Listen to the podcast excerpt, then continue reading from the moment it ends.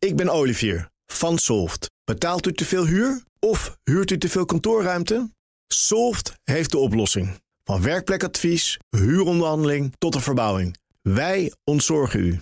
Kijk voor al onze diensten op soft.nl. De column van Marianne Zwagerman.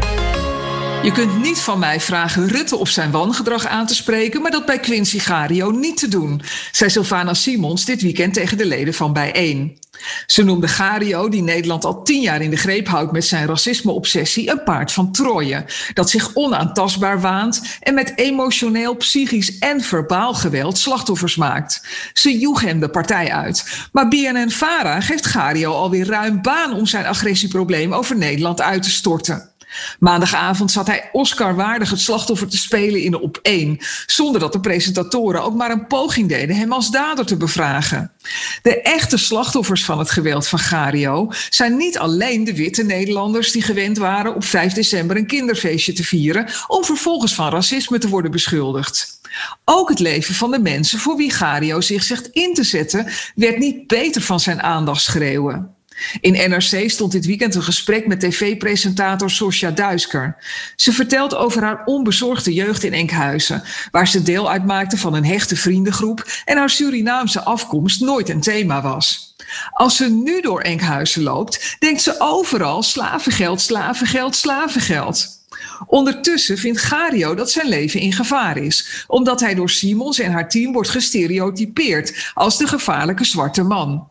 Het advocatenkantoor dat door de partij is ingehuurd, wordt door het slijk gehaald, omdat de huidskleur van de medewerkers de verkeerde tint heeft. Te wit, volgens het handjevol fans dat Gario nog heeft binnen de partij en zijn royement een koloniale takeover noemt.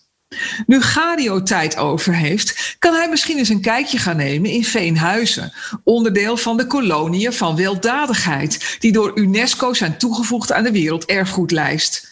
Daar werden in de 19e eeuw Nederlandse paupers vanuit de grote steden naartoe gedeporteerd om gedisciplineerd te worden door vanaf vijf uur s ochtends te werken op het land. Ze mochten er pas weer uit als ze met werken hun schulden aan de staat hadden afbetaald.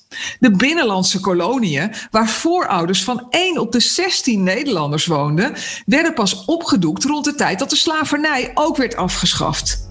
Ik voel ineens een trauma en slachtofferschap opborrelen. Kan iemand even een cameraploeg sturen? Ik ben Olivier van Solft. Betaalt u te veel huur of huurt u te veel kantoorruimte? Solft heeft de oplossing. Van werkplekadvies, huuronderhandeling tot de verbouwing. Wij ontzorgen u. Kijk voor al onze diensten op soft.nl.